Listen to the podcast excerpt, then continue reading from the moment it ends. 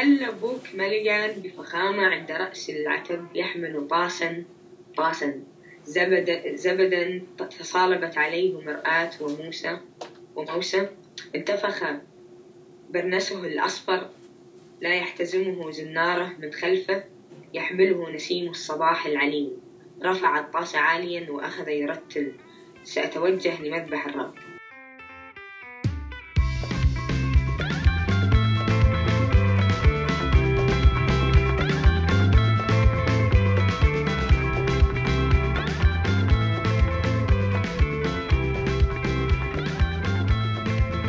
Ahlan wa sahlan في an English language uh, episode of أقطب الحدب في ختاب الأدب. Today we are speaking to Mona Kareem, who is a poet, translator, and scholar uh, that we had come speak at UT Austin this semester. In this episode, we're going to look at translations of James Joyce's Ulysses into Arabic, as well as the importance of translation more broadly in Iraqi literature. Basically, uh, well, to, to start first, you know, I, I have three poetry collections. Um, I write three verse uh, uh, poem, and um, you know, um, uh, basically, you know, like uh, translation was really influential to me as a writer. You know, it shaped how I think about writing, how I think about, um, you know, playfulness and foreignness of the text um, you know, translation always subverted that for me. Always made me, you know, think that you know there is there is no authentic text. There is no authentic, you know, um, definition of literature, which is exactly the opposite of you know, traditional views uh, in Arabic literature. That you know, authenticity, authenticity. You know, uh, so. Um, uh, you know, since since high school, I thought, you know, I'll, I'll go for an English degree just because I love translation, not that English specifically. Mhm. Um, and um, you know, I, I, I, I remember in high school I would try to translate uh, uh, D.H. Lawrence. You know, really random, but yeah, like Mhm. sentence by sentence, and um, it was my way of learning English through translation. Um, at that time, I had a mentor. Uh, maybe you know of his name, Salah Niazi. He's an Iraqi poet and translator. No, that's And cool. yeah, and he did a second translation of Ulysses into Arabic. Um, you know, he, Was, you was that online the other day? I think there was a couple of videos on Bloomsday. I don't remember where I saw that, but it was him reciting it. Yeah, that guy? Yes. yeah, So cool. He, has been my mentor. You know, like we, we met back in Kuwait, and um, he always, you know, basically advised me that translation is powerful, and like reading uh, text in translation, and also trying to dig the the you know original. Um, although he's kind of uh, also essentialist when it comes to like uh, the original text and, and you know like so for example uh, if you read his critique of uh, how Taha Mahmoud Taha translated Ulysses uh, he's really harsh you know he, he goes like more of like um, um, how can I say this you know basically he wants he wants something that is honest translation you know like all these like essentialist uh, understanding of, of uh, translation hmm but uh, you would see that Taha Mahmoud Taha, for example, is uh, goes for playfulness. You know, he, he uses, for example, vernacular. He uses, uh, you know, uh, Egyptian dialects uh, just to substitute for the um, the multi languages in in the Ulysses. You know, which Mhm. was I thought was genius. You know, and was like I think he was the first to do it. Um, so yeah, uh, uh, um from that point, but I, I'm mentioning Ulysses though uh, because I think it's essential for, for Arabic literature, you know, how Ulysses was translated. Um, that book, you know, uh, just like just like everywhere in the world, you know, there are people who claim they read Ulysses, but it's the uh least read the book, you know. Uh huh. So, uh, so the same in Arabic when the book came out, like there only like really famous writers read it, and there was not much interest in it. When did it come out? Um, we're talking like late sixties. Okay. Um, so Taha Mahmoud Taha, he's an Egyptian translator. Um, he, he, you know, he studied he studied Joyce all his life.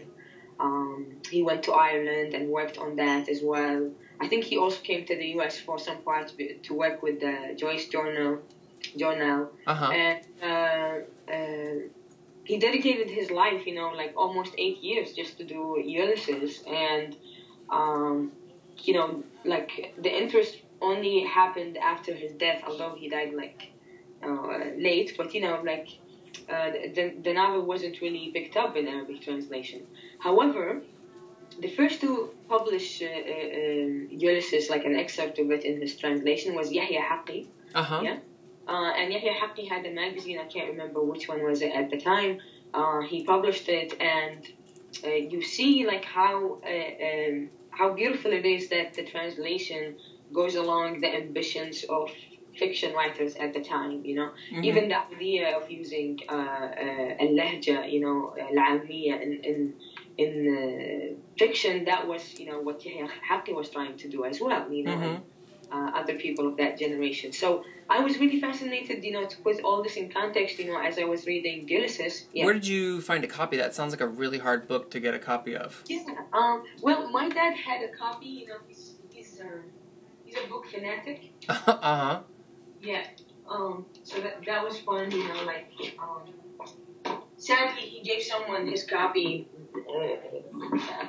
a couple of years ago, so I couldn't take that from him.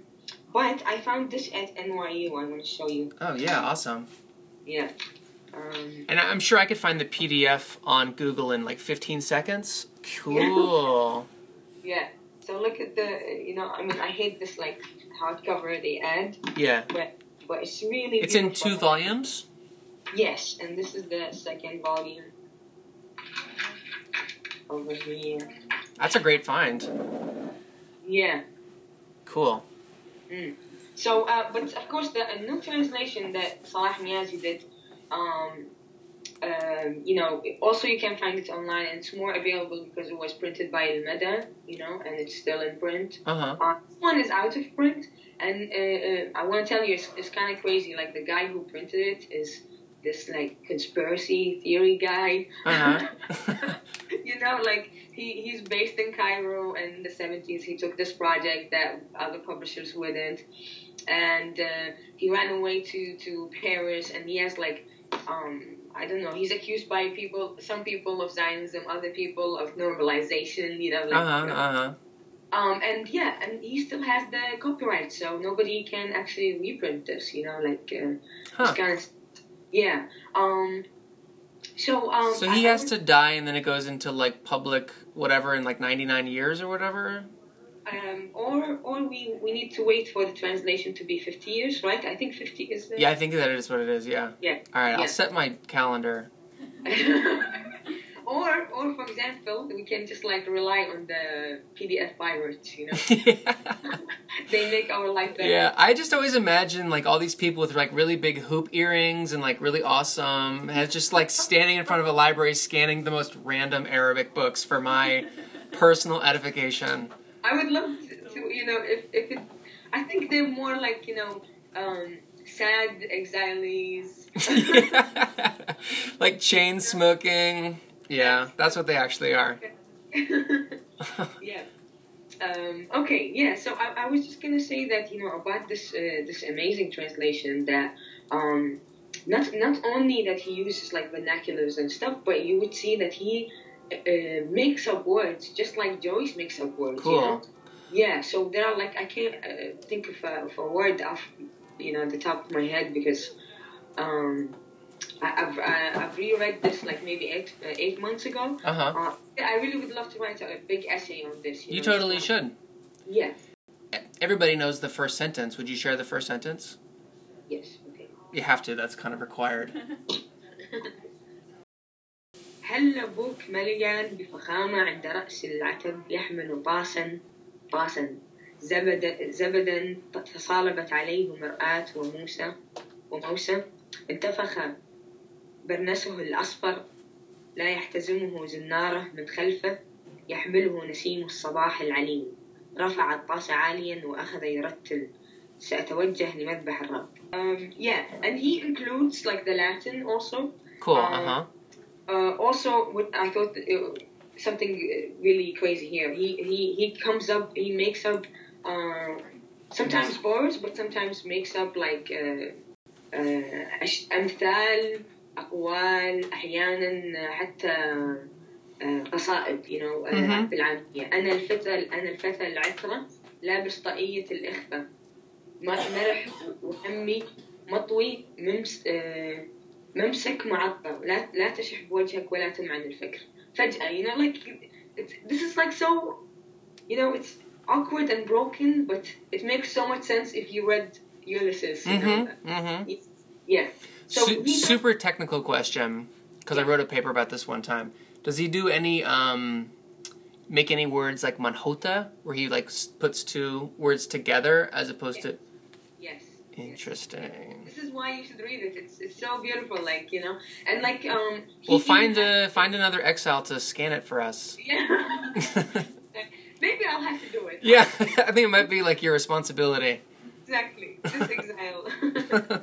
Um yeah, and and also he he made like okay, so after he published it, he revised it and made another edition. Um, like a few years after, and he also uh, uh, made something called Mawsu'at James Joyce. Uh huh.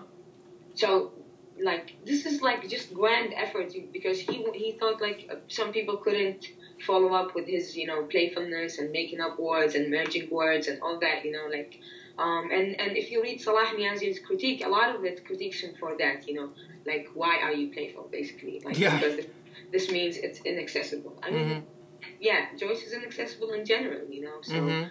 um, so I love like that Taha is, is faithful to the philosophy of Joyce rather than you know like the text and its uh, you know in its literal sense you know Mhm. or telling the story for example like you know um, um, you know I don't think that plot should matter the most uh, uh, in this case and and I, I want to tell you also I noticed because I really love teaching you know when I teach Arabic I also have to assign the English translations so I love to make these comparisons, and I see that um, in an American translation, yeah, the, the plot is very central. You know, Yeah. like yeah, yeah, like um, uh, you know, like uh, even as a translator, when I get feedback from editors, they're like, yeah, but you know, they're not gonna get this, and you know, I'm like, yeah, we don't need to make everything accessible. We don't need to localize everything. You know, Mhm. like it's actually good to keep people, you know, at distance. Like they would, they should understand there is a distance. You know, Mhm. um, yeah. So yeah, from from uh, uh, you know this whole Joyce thing, you know, like that was my first really exposure to like um, translation and the theory of translation through my mentor. Um, um, and then you know, I, for example, you look at Sayyab and Nazik al-Malaika as the like first modernizers. They were you know uh, very much uh, involved in translation. Like Sayyab translated T.S. Eliot. Um, which was uh, something I think was very brave. You know, he, he was inspired. His English was good. You know, wasn't it wasn't he wasn't a bourgeois man who studied abroad, which was like Nazik. You know, Yeah, he yeah, actually in Princeton and uh, spoke several languages.